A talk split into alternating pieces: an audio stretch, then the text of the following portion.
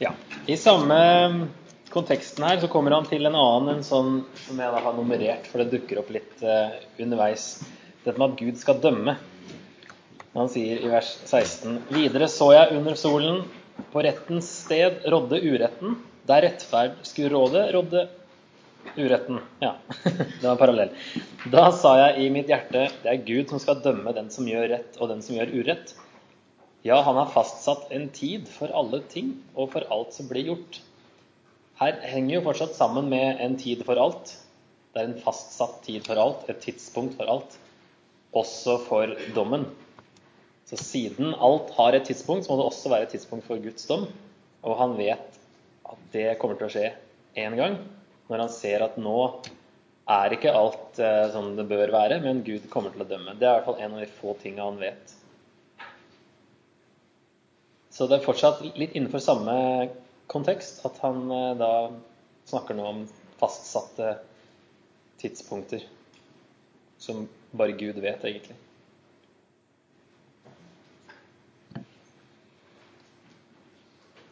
Og så har vi en liten en i eh, vers 19, der han sier at i 3.19 For det går mennesket som det går dyrene, den ene som den andre. Begge skal dø. Samme livsånde har de alle. Mennesket har ingen fortrinn framfor dyrene, for alt er forgjengelig. Alle går til det samme sted, alle er kommet av støv og skal bli til støv igjen. Hvem vet om menneskets ånd stiger opp, mens dyrenes ånd synker til jorden? Kan ikke vite det helt sikkert. Hvem vet? Alle dør. Dyr og mennesker dør. Det er ikke noe forskjell sånn sett eh, her på denne sida. Det er ikke noe forskjell på dyr og mennesker. Alt er Hva står det her, da? Forgjengelig. Det vil si, dyr og mennesker lever ikke evig. Det er forgjengelig. Derfor grip dagen. Jeg så at ingenting er bedre enn at mennesket finner glede i sine gjerninger. Andre gang han sier det. Du, gleder du deg, eller har du glede i jobben din? Ingenting er bedre enn det, sier han. Dette er, den, uh, dette er den lodd det har fått, for hvem lar mennesket se det som siden skal komme? Og svaret da er ingen. Gud vet framtida, men han, uh, han, gir, han, sier ikke til oss, han viser ikke oss framtida. Det er litt sånn som jobbsbok er, og ja, forkynneren av jobbsbok. Veldig farlig å ta vers ut av sammenhengen. Det er mye spekulering fram og tilbake før du konkluderer med noe. I I jobbsbok så er alle de, vennene, de tre vennene hans er jo ikke helt på riktig kurs alltid. Så det å liksom ta, de, ta, det ut av sammenhengen må alltid se, Er det noe fra jobbsbok, må alltid se hvem er det som snakker i jobb. Er det jobb, så er det greit. Er det Gud, så er det greit. Er det noen av de andre, så er det ikke like greit. Eh, og her òg er det liksom konklusjonen kommer helt til slutt. Så vi skal ikke konkludere altfor hardt underveis, tror jeg.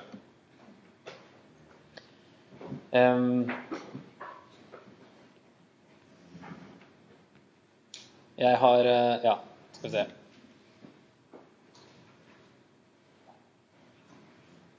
Ja. Dette med å glede seg i jobben, det er viktigere å ha en jobb du liker, enn å kanskje tjene litt mer penger i en annen jobb eller ha mer status eller prestisje i en annen stilling. Så det er viktig at du er glad og fornøyd nå, og ikke blir tatt av det verdslige jaget med ambisjoner og spisse albuer, som det heter. Sier i hvert fall forkynneren. Eh, han sier det er fra Gud. Det jo at du gleder deg i jobb. At du klarer å nyte livet i strevet. Um, siden jeg bor i Polen. Jeg lærer jo litt polsk. Hun er ikke her, hun Anna Katrine. Er det bare jeg som kan polsk her? Det er en liten, liten vits da, som jeg har liksom eh,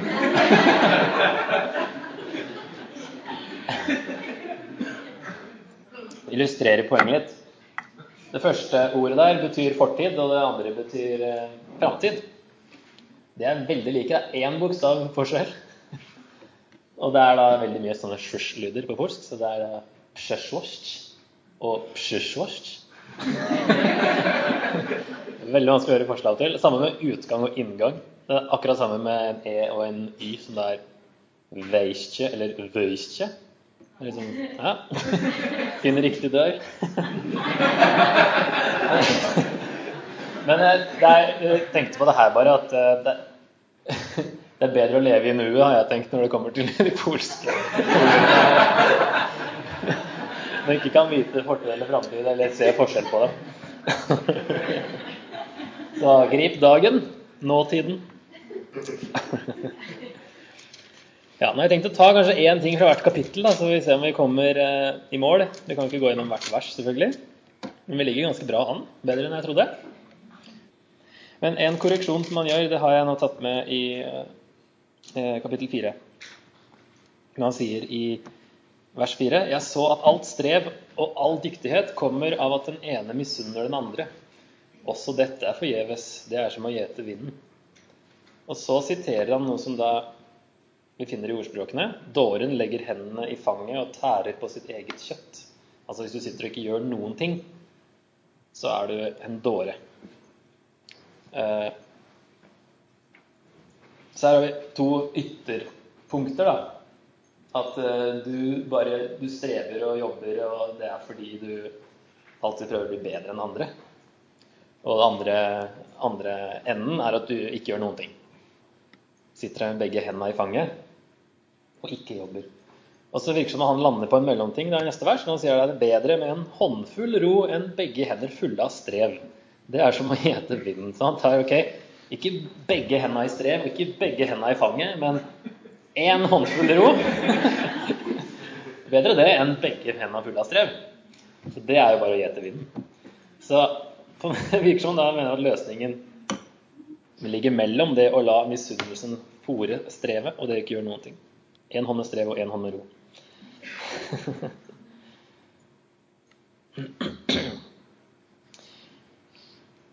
Ja, og Så kommer dette som er litt interessant i, helt til slutten av kapittel 4. 4.17 til 5.6 er et avsnitt som høres ut som at han er veldig kritisk til eh, tempelet og eh, ofringene, og sier at det er dårer som ofrer. Eh, vokt din fot når du går til Guds hus. Det er bedre å komme dit for å lytte enn å bære fram offer slik dårer gjør. De vet ikke annet enn å gjøre det onde. Vær ikke for snar med munnen, la ikke hjertet forhaste seg når du vil tale et ord for Guds ansikt. For Gud er i himmelen, og du på jorden. La derfor dine ord være få. Det er jo en lovsang. Med travelhet følger tankespinn og dårens tale for mange, for mange ord. Når du gir Gud et løfte, så drøy ikke med å oppfylle det, for han har ingen glede i dårer. Hold det du har lovet ham. Det er, ikke bedre at du, nei, det er bedre at du ikke gir ham noe løfte, enn å love å ikke holde det. La ikke munnen få deg til å synde, og si ikke til Guds sendebud 'Jeg gjorde det av vannvare'. Hvorfor vil du gjøre Gud harm med dine ord, så han ødelegger det du har gjort? Midt i alle drømmer all tomhet. Det er det eneste forekomsten av tomhet i denne oversettelsen. For dette hebraiske ordet. Alle ord ha ærefrykt for Gud. Så dette er igjen Nei, Det er første gang det er frykt Gud, ja, som også dukker opp helt til slutt. Gud skal dømme, frykt Gud, grip dagen. Det er de tre temaene som dukker opp litt underveis. Så her er første gang han sier da først vokt din fot når du går til Guds hus. Du skal ha ærefrykt for Gud. De var kanskje da litt arrogante, og de ga løfter, og de ikke holdt dem. Og han sier ja, pass deg, liksom. Gud er i himmelen, du er på jorda, så ha riktig respekt. Og han avslutter også med det samme. Ha ærefrykt for Gud. Eh, men han sier at eh, bedre å lytte enn å bære fram offer, slik dårer gjør. Eh, da er det faktisk egentlig i bestemt flertall, altså som dårene gjør. Det kanskje han snakker faktisk om Eh, noen på den tida som eh, brukte tempelet altså som religion, men ikke hadde hjerte i det. Da. At han kaller de for dårer. at det er ikke Vi vet jo det fra ellers i GT at Gud vil ikke ha offer, han vil ha lydighet. Og det er jo det med lytte er jo mye mer det å være lydig enn å ofre. Så dette er egentlig veldig riktig sånn sett, teologisk, med resten av GT. Og så står det vel um, De vet ikke annet enn å gjøre det onde. Men de andre norske oversettelsene og de fleste engelske som jeg sjekka, står det da at de vet ikke at de gjør ondt. I stedet for uh, de vet ikke annet enn å gjøre det onde. Så nå når de, når de ofrer og ikke kanskje har hjerte i det, så vet de ikke at det er ondt. Derfor er det bedre å lytte enn å ofre. Så kanskje det er noe med hele situasjonen på den tida her at religionen har blitt uh, Eh, har stivna litt. Det er jo egentlig hele veien i GT at det er et problem med forholdet til Gud. Og Poenget med offeret var jo fellesskap med Gud, og det er jo da eh, meningsløst å ofre hvis du ikke lytter.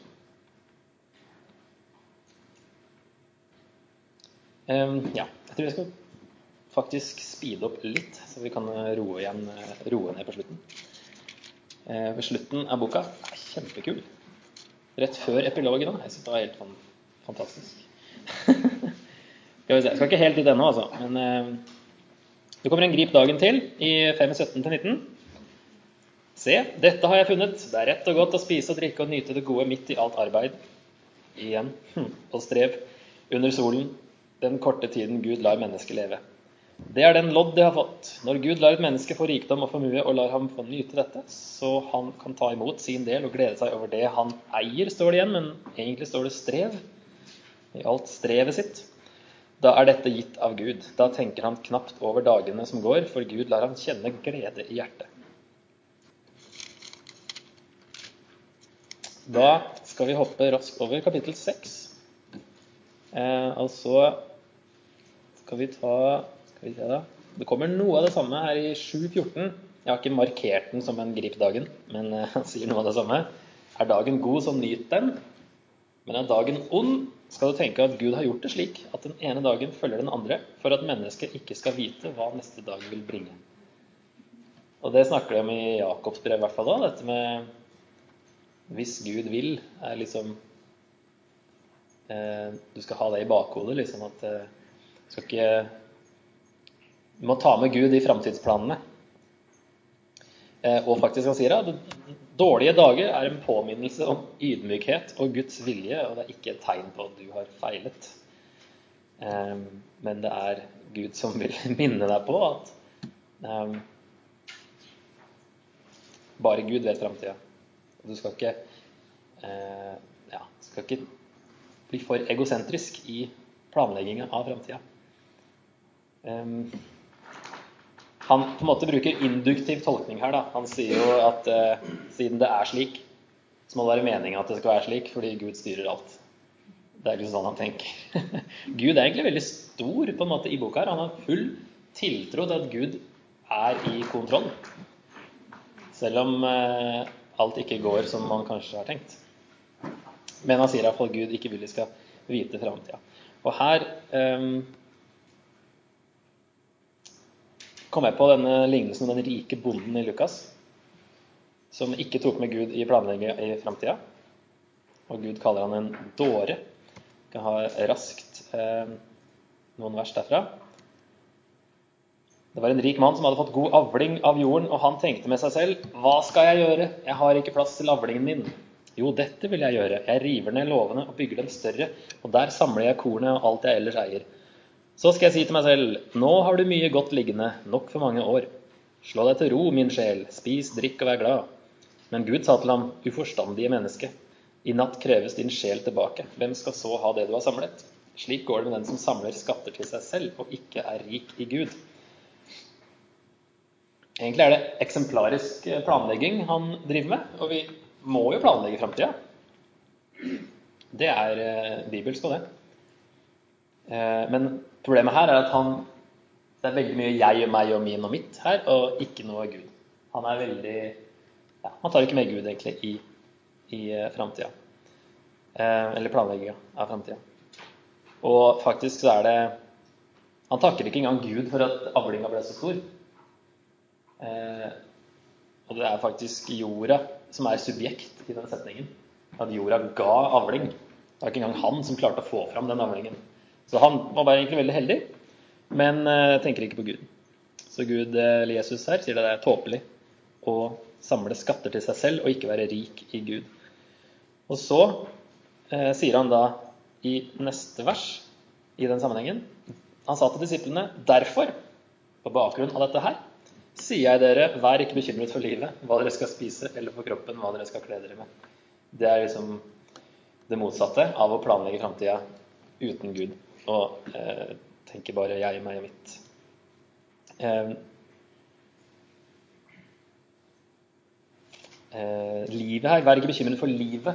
det er samme ordet faktisk som sjel der oppe, når han sier eh, Han snakker til sjelen sin. Liksom, 'Slå deg til ro, min sjel'. Så har du da Jesus sier 'vær ikke bekymret for sjelen eller livet'. Det er det samme ordet.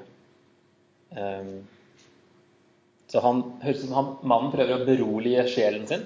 'Slapp av, det går bra'. Men Jesus sier 'ikke vær bekymra', sier han for sjelen eller livet. Heller ikke kroppen, hva dere skal kle dere med. Så Jesus sier vi skal ikke bekymre oss til noen ting, han. Men uh, det er likevel litt vanskelig når du ikke vet framtida.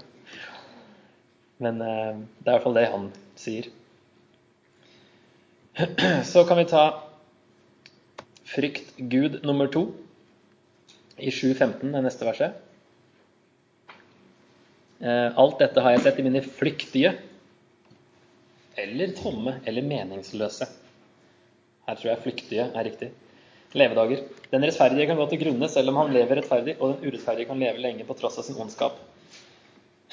Vær ikke altfor rettferdig, vis deg ikke for klok. Hvorfor vil du ødelegge deg selv? Vær ikke altfor urettferdig, og vær ikke en dåre. Hvorfor vil du dø før tiden?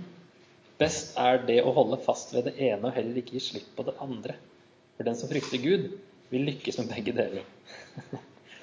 um, det er litt uh, faktisk uh, Oversettelsen kan forvirre litt, grann, tror jeg.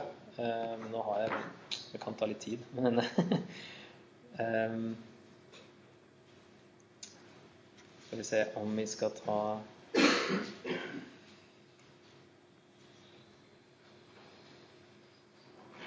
Ja, I andre oversettelse står det da ikke eh, den som frykter, frykter, Gud, vil lykkes med begge deler, men det står at den som frykter Gud, finner en vei ut av alt dette, står det i 88. Eller skal komme Ja, will avoid all extremes, står det i NIV. Så det kan være at det er litt eh, forvirrende, dette her med lykkes med å ja, kan jo få det ut av det der òg, men det er kanskje ikke like klart. Men eh, kanskje han sier at den som frykter Gud, og ikke tar Gud for gitt eller setter seg selv for høyt Dette med visdom og sånt, eh, tror, man, tror man er veldig vis. Så er kanskje mellomtingen å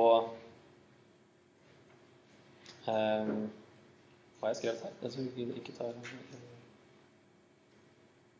ja, finne mellomtingen mellom å ta ordspråkene for langt eller det å være en dåre. Han sier litt lenger ned, i vers 22, det finnes ikke et rettferdig menneske på jorden som gjør godt og aldri synder. Og der er det faktisk et lite 'for' som er utelatt, dessverre.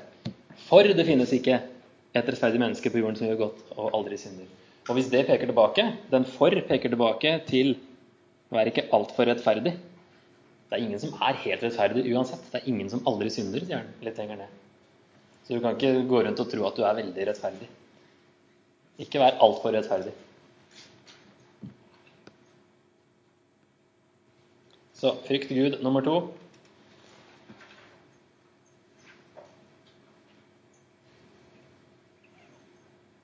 Ja. Vi kjører på. Det er noen kapitler igjen. Da går vi til kapittel åtte. Eh, da kommer en Gud skal dømme nummer to, og frykt Gud nummer tre. Om dommen over den onde gjerningen ikke straks blir satt i verk, får menneskene mot til å gjøre det onde. Det med at Gud ikke dømmer med en gang, så tror folk de kan komme unna med å gjøre det onde. For en synder kan i mange år gjøre ondt, og Gud lar ham likevel leve lenge. Enda skulle også jeg vite at det går godt for dem som frykter Gud, fordi de har ærefrykt for ham. Men for den urettferdige lykkes de ikke. Hans liv blir kort, flyktig som en skygge, fordi han ikke frykter Gud. Det er noe meningsløst som hender på jorden. Noen rettferdige får hva de urettferdige fortjener, og noen urettferdige får hva de rettferdige fortjener. Jeg sier også dette er forgjeves. Um, skal vi se, her er det litt vrient, men jeg tror jeg fant ut av det. Uh, eller gjorde jeg det? For det høres ut som han sier mot seg sjøl her. Uh, men midt i der, men for den urettferdige lykkes det ikke. Og så har han akkurat sagt at de lever jo lenge. Men han sier til slutt i hvert fall at det, det er forgjeves og meningsløst da, at eh, de urettferdige får det de rettferdige fortjener, og motsatt. Jeg tror, ja, Det var kanskje det jeg konkluderte med her, at Eh, konklusjonen er helt til slutt der at han, det, er, det skjer, og at det er unntaket kanskje fra det han har sagt før. det den urettferdige lykkes, lykkes det ikke. Hans liv blir kort, flykter som en skygge fordi han ikke frykter Gud. Ja, i de fleste tilfeller kanskje, men likevel er det meningsløst når det skjer, at det faktisk blir motsatt. Det, et, um, det finnes unntak fra denne regelen, virker det som han sier da. Og det er forgjeves og meningsløst. Da. Her passer det ikke forgjengelig like bra, for det er jo positivt da, hvis det er forgjengelig. det går bort. Uh, her er det mer uh, ja, en annen betydning, litt annen betydning av dette ordet. Grip dag nummer fem kommer da i vers 15. Jeg har lovprist gleden, for det finnes ingen annen lykke for mennesket her under solen enn å spise, få drikke og glede seg. Dette får følge ham i hans strev i de levedager Gud gir ham under solen. Og så hopper vi til neste kapittel. Der kommer gripdagen nummer seks. Så gå og spis ditt brød med glede og drikk din vin med glede i hjertet, for Gud har allerede godtatt det du gjør. Ha alltid hvite festklær på, la oljen flyte over ditt hode. Nyt livet med kvinnen du elsker, alle dine flyktige levedager. Leser du en eldre oversettelse, står det 'alle dine tomme dager', eller 'alle dine meningsløse dager'. Da er det plutselig en litt annen betydning. Skal du nyte livet fordi det er kort, eller skal du nyte det ja, nyte, men det er meningsløst uansett? Det er vel bare sarkasme liksom, han driver med, eller er han faktisk sier at uh, nyt nå fordi det er kort? Jeg tror de har valgt riktige ord her, da. De som Gud gir deg under solen i alle dine flyktige dager. For dette er det lodd i livet din lodd i livet, midt i ditt strev og ditt arbeid under solen. Alt dine hender kan gjøre, gjør det med den kraften du har. For i dødsriket, dit du går, er det verken gjerning eller tanke, verken kunnskap eller visdom. Helt til at døden som lusker i bakgrunnen. Derfor må vi få mest ut av det nå. Eh, vi begynner å nærme oss eh, slutten. Det er bra. Da har vi gripet dagen nummer sju. Og Gud skal dømme nummer tre. Lyset gjør godt. Nå begynner det å bli litt mer positiv. To siste kapitlene så er den liksom, begynner det å løsne litt, på en måte. Bortsett fra ja, ja, det er jo litt døden som endelig kommer da, i kapittel 12. Men eh, måten han sier de mer positive tingene på, er liksom enda mer positive. Og her er ikke det, Før er jo livet under sola er jo tomhet, men her er eh, lyset gjør godt. En fryd for øyet er da ser jeg solen. Selv om du bare går og strever under solen, så er det er godt med lys og fint med sola. Om mennesket får leve i mange år, skal han glede seg over dem alle, men også tenke på de mørke dager, for det blir mange av dem. Alt som kommer, er forgjengelig. Gled deg, du ungdom, mens du er ung. Vær glad og fornøyd i livets vår. Gå på de veier som hjertet vil, følg det som lokker ditt øye. Men vit at for alt du gjør, vil Gud kreve et regnskap. Det er sånn, hold en balanse. Gjør alt du vil, men likevel innafor lovens rammer. Få bort det som piner ditt hjerte, og det som plager din kropp, for barndom og ungdom er som et pust. Helt annen betydning enn om du leser tidligere oversettelser. Gjør det som, eh, Få bort det som piner ditt hjerte, og det som plager din kropp. For barndom og ungdom er tomhet. Er meningsløst. Jeg tror pust er veldig riktig her. At det er flyktig og forgjengelig, det òg. Så nyt ungdommen før du blir gammel, og da dør du plutselig.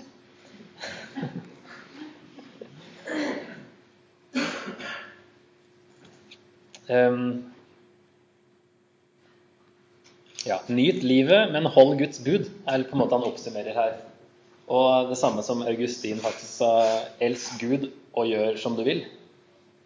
At det er du gjør som du vil innenfor Eller det at du elsker Gud også har jo veldig innflytelse på hva du vil gjøre. Men eh, elsk Gud og gjør som du vil. Høres ut som en motsetning, men det samme som her, tror jeg. Eh, nyt livet, men hold Guds bud. Og så kommer Jeg ble så fascinert av kapittel 12. Jeg tror jeg aldri har blitt så fascinert av en sånn poetisk tekst noen gang. og nå har jeg holdt på i en måned da, og liksom sitte med hvert eneste ord ikke sant, i, i denne boka. Og så er det liksom Kommer da endelig, på en måte? Kommer døden? Men så er det nå Tenk på din skaper, sier han igjen. Tenk på din skaper i ungdommens dager, før de onde dagene kommer før årene kommer da du må si 'jeg har ingen glede av dem'.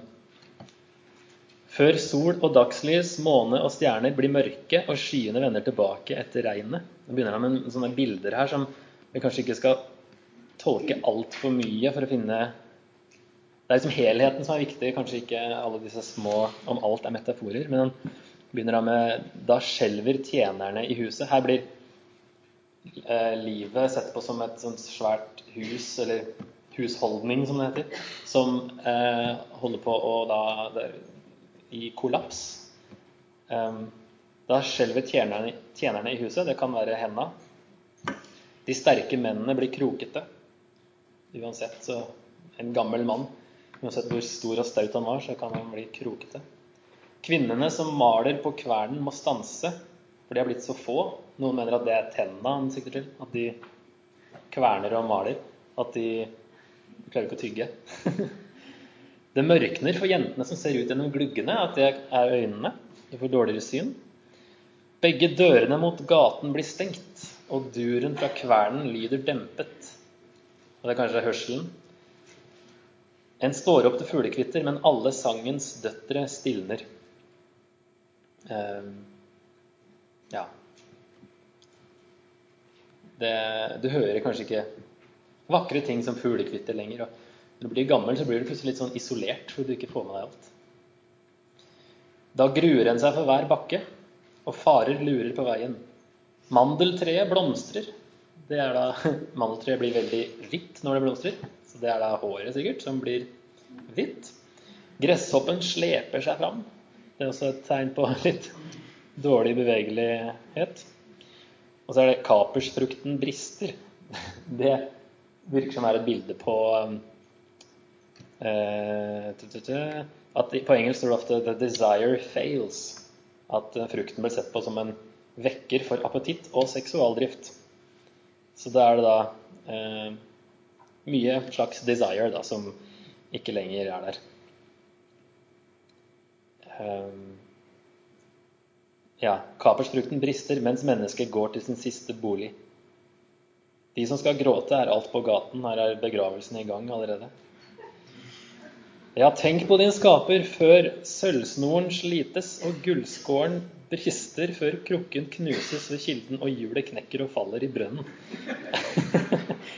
det virker som altså, dette med sølvsnor og gullskål, at det kanskje er eh, altså en lampe som gjerne hadde en sånn sølvsnor, og det er bare et lite knepp, så detter hele lampa eh, og knuser. Eh, og denne ja, gullskåren var der de hadde oljen kanskje som brant. da. Eh, dette med brønnen er jo kanskje Altså, vann blir ofte sett på som symbol på liv. Og eh, her knekker liksom hele den brønnkonstruksjonen, kanskje, og faller sammen. Hele bildet er i hvert fall bildet på døden, da, ettersom nå i neste vers så står det når støvet vender tilbake til jorden som det støv det var, og ånden går tilbake til Gud, som ga den. Og så kommer det bare den siste. liksom, Forgjeves og forgjengelig, sier forkynneren. Ja, alt er forgjengelig. Den bare slo meg så som knyttneve, den siste der. liksom. Han har gått rundt hele sirkelen tilbake til det han begynte med. Og liksom den beskrivelsen av døden liksom, bare som hele tida har vært i bakgrunnen der. Og så kommer det liksom, også bare er alt forgjeves i lys av det. Så her er spørsmålet hva skal vi da gjøre? Hvis alle dør, og alt i livet er forgjengelig og forgjeves fordi ingenting kan overvinne døden. Og så kommer denne konklusjonen. Eh, dette er summen av alt du har hørt. Frykt Gud og hold Hans bud. Dette gjelder for alle mennesker, for Gud skal dømme hver gjerning, holde dom over alt som er skjult, enten det er godt eller ondt. Så det jeg prøvde å vise, er at det her stemmer med mye underveis dette med frykt Gud fire ganger, og Gud skal dømme fire ganger. Og det dukker opp igjen her. Så derfor tror jeg at det henger veldig sammen. og Det kan godt være samme person som har skrevet det, men uansett så er Jeg tror han som har skrevet det her, er enig med det som har vært skrevet så langt. Hovedpoenget i, hovedpoenget i boka er å frykte Gud og holde Hans bud. Og at det er det overordnede målet i livet. Uansett hvor vanskelig og slitsomt det blir. At vi må alltid prøve å huske på det, og ikke bli slack. Um, han advarer mot å bygge livene på andre ting, som visdom og rikdom og status og sånn. Og er veldig realistisk og sier at vi bør eh, akseptere livet som det er, med problemer og mysterier, og ta vare på gledene underveis så godt vi kan. Og gjør, det vi gjør det, er å frykte Gud, sier han. Men det å jage etter mer er forgjeves og bortkasta. Så det blir en løsning, prøve å holde de to, det med å nyte livet underveis og ha evighetsperspektivet, er eh, på en måte de to tingene som vi ja, må prøve å holde, holde sammen. Um, han har forklart oss ting rett ut, kanskje, så vi ikke skal bli overraska og skuffet når det skjer ulykker og katastrofer. Og så vi ikke skal miste troen, men være forberedt på at sånt kan skje sånn som denne her eh, viser. Kanskje vi får inntrykk av at ordspråkene er den øverste, og forkynneren den under. Eh, han når jo fram til samme mål da, i bildet her, men eh, veien er ikke like rett. Eh, en lignende som jeg også på, kom på Facebook, er denne her. Eh, skal aldri helt vite. Eh, heldigvis da, så slutter det jo ikke der ettersom vi har um, Historien og Guds plan har gått litt lenger siden forkynneren skrev dette her. Sånn at vi har også Jesus og Nytestamentet. Og Paulus skriver eh, i Romerne 8 Jeg mener at det vi må lide i den tiden som nå er, ikke kan regnes for noe mot den herligheten som en gang skal åpenbares og bli vår. For det skapte venter med lengsel på at Guds barn skal åpenbares i herlighet. Det skapte ble underlagt forgjengeligheten. Der bruker faktisk det, det greske ordet som de bruker for forkynneren i den greske oversettelsen. Det er mulig det her er eneste henvisningen til forkynneren i Nytestamentet. Da Paulus sier at skaperverket ble underlagt forgjengeligheten. Ikke frivillig, men fordi han ville det slik. Likevel var det håp, for også det skapte skal bli frigjort fra slaveriet under forgjengeligheten og få den frihet som Guds barn skal eie i herligheten. Vi vet at helt denne dag sukker og stønner alt det skapte samstemt, som i fødselsrier. Så i Bibelen så får ikke forkynnerens historie. Det, det er kanskje bra. Vi kan se litt lenger, i hvert fall. Um, ting går skeis fordi vi lever i en syndig og fallen verden. Men Gud skal rette opp alt. At vi må, vi må se lenger enn denne verden som vi lever i. Um, Forkynneren han så konsekvensene av at verden var underlagt forgjengeligheten, som Paulus skriver her. Eh, og at i lys av evigheten så er alt forgjengelig, men det er heldigvis ikke slutten. Og det er jo han også klar over. Men eh, vi har nå en Nytestamentet og Jesus og Guds fullstendige åpenbaring. Så siste jeg tenkte å ta, klarte faktisk å komme gjennom 57 slides. Det er ikke verst. Livet, med, livet, i en forgjengelig verden med Jesus er litt annerledes, da kanskje. Eller litt mer eh, oppmuntrende. Eh, selv om vi ikke har noe garanti mot at vanskelige ting skal skje, ikke skal skje. ikke. Ja. Det kan skje i hvert fall. Men vi har et løfte om at Gud er med oss. For det ser ikke ut som kristne har noen fordel her med at vi ikke havner i like mange ulykker som andre.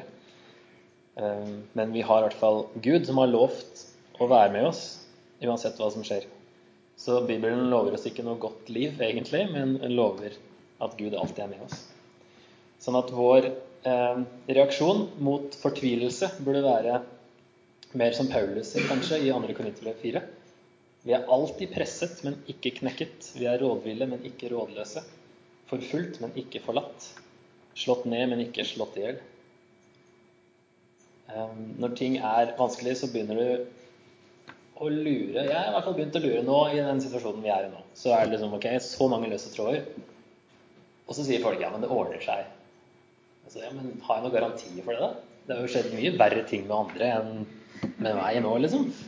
Det er jo tragiske ting som skjer andre steder. Hvorfor skal ting alltid ordne seg? Vi har lest i boka her, det er mange eksempler på at ting ikke alltid går som, som det skal. Um, jeg tror det ordner seg. Og jeg ber om at det ordner seg, men jeg har ikke noen garanti for at det gjør det. Men uansett hva som skjer sånn sett i Norge, så er det ikke noe farlig. ikke sant? Med, mye verre med katastrofer og ulykker. og Vi har jo et system som tar vare på folk. um, så for meg har det faktisk vært veldig oppmuntrende å studere denne boka. Og selv om jeg ikke har blitt garantert at det ordner seg, så har jeg blitt oppmuntra til å holde fokus på Gud og ikke la standarden falle, på en måte. Eh, ikke bruke det som en slags unnskyldning for å bli sløv. Det at du liksom Nei. Men at du fortsatt frykter Gud og holder Hans bud, uansett om ting er vanskelig. Um, ja, det var kanskje en litt sånn rar note å ende på. Men uh, om vi holder fast på troen, så ordner det seg alltid ikke sant? sånn i evighetsperspektiv, selvfølgelig. Men det høres jo sprø ut hvis du sier det hele tida. At nei, livet her, det gjør ikke noe fordi jeg skal bli frelst. Um, det var jo sånn hele veien i GT da, med israelsfolket. De, de glemte jo hele veien Gud, de. Um, glemt hva Gud hadde gjort for den forrige generasjonen, og ble for opptatt med livet her og nå. Så det høres jo litt sånn, ja, det høres litt sprø ut hvis du snakker for mye om evigheten og at alt blir bra og at livet her er ikke så nøye. Det er jo nøye. Gud er med oss, det er det som er greia. Gud er med oss i det vanskelige. Um, og livet er ikke alltid en dans på roser. og her har vi en bok som faktisk er i Bibelen, og som tar opp det mer realistiske.